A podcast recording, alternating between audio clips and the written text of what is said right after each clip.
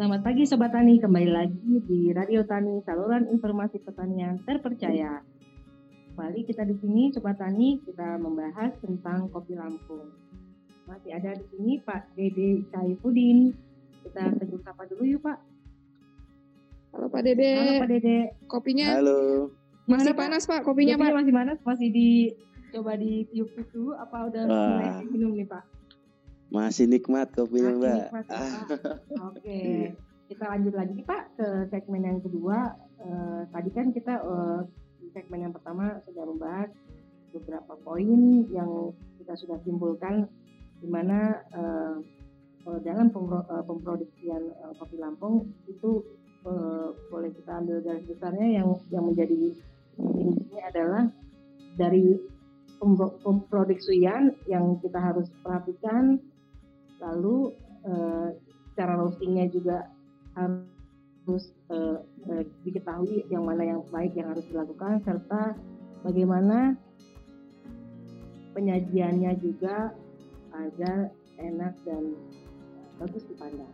Mungkin begitu ya Pak ya? ya, nikmat. Oke, kita dari. Nah, sekarang kita kembali lagi ke segmen 2. Kita Oh. akan mencoba eh, membahas Segmen kedua ini kita pengen lebih jauh mengenal Ya, tentang kopi robustanya Pak. Tadi kan Bapak sudah menjelaskan nih dari banyak jenis kopi yang ada di Lampung, best sellernya adalah kopi robusta. Nah sekarang kita akan lebih membahas tentang kopi robusta Pak. Eh, jadi tentang kopi robusta ini untuk syarat tumbuhnya itu seperti apa sih Pak? Hmm. Oke. Pastinya kalau kopi robusta itu hidup di daerah-daerah yang dataran rendah dan tinggi. Nah, jadi lokasi yang paling baik itu ada di daerah dataran tinggi sehingga untuk produksi dataran rendah itu kurang eh, apa ya bahasa aku itu eh, produksinya tidak akan sama dengan dataran tinggi karena semakin tinggi datarannya produksi kopi akan semakin baik dan cita rasanya akan semakin kuat gitu. Terus eh, untuk pertumbuhan dan perkembangannya ini kopi robusta itu di kisaran 20 sampai 30 derajat Celcius dengan curah hujan 2000 sampai 3000 mm per tahunnya. Lalu tanaman kopi robusta ini sangat cocok eh, di lahan gembur, Mbak.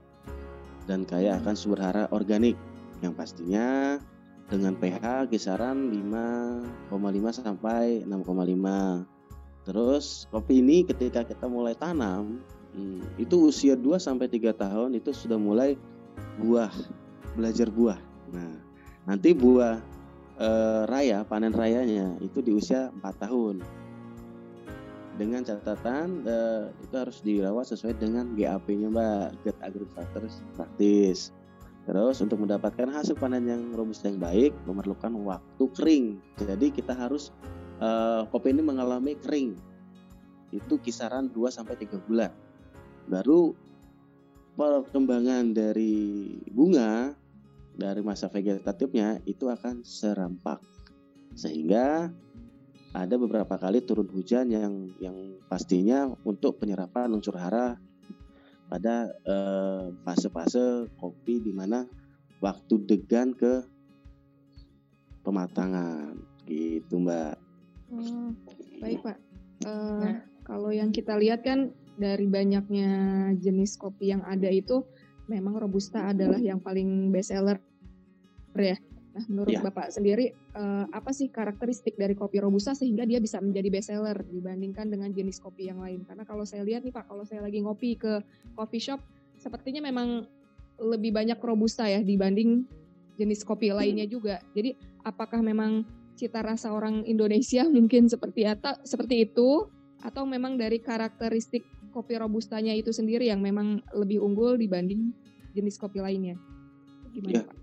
Jadi taman kopi ini kita di eh, karakteristik robusta sendiri itu dia memiliki daun membulat ya mbak. Seperti telur terus eh, ujungnya itu tumpul kayak jarum. Terus warna daun hijau tua eh, sering batang ranting itu baru berbuah dia. Terus eh, kenapa sih eh, karakteristik kopi Lampung itu sangat kuat? Nah, karena itu tadi uh, kopi Lampung ini khususnya robusta ini memiliki apa namanya uh, kafein yang sangat tinggi sehingga cita rasanya sangat kuat. Terus kalau memang kita lihat dari karakteristik tanam dari tanaman kopi ini sendiri dari bunganya itu tumbuhnya pada ketiak cabang uh, terus di, setiap cabang itu memiliki buah sampai uh, satu dompol kopi, biji kopi itu uh, kurang lebih 20 dompol 20 biji kopi satu dompol. Terus warna bunga juga putih bersih uh, bunga biasanya mekar pada musim kemarau dan musim hujan itu waktu yang uh, tepat untuk muncul bunga pada saat uh, bunga apa panen kopi itu selesai. Nah pada saat waktu ini, waktu-waktu sekarang ini, waktunya metik panen kopi. Dan nanti selang dua bulan ke depan itu uh, masuk musim kemarau pada saat itulah bunga-bunga kopi bermekar-mekaran semua itu itu karakter dari tanaman kopinya cuman kalau karakter khas kopinya adalah fine robusta itu sangat kuat dari kafeinnya dibanding dengan kopi yang lain gitu ya. Jadi kurang lebih itulah karakteristik dari kopi, kopi robusta sehingga itu uh, yang menjadi ciri khas robusta yang menjadikan robusta jadi best seller di menjadi uh, ratunya atau rajanya kopi Lampung ya Pak ya? Ya. Betul. Ya, uh, baik Sobat Tani, di segmen satu tadi kita sudah uh, mengenal tentang kopi Lampung dan di segmen dua kita sudah mengenal lebih jauh tentang bestsellernya kopi Lampung yaitu kopi Robusta.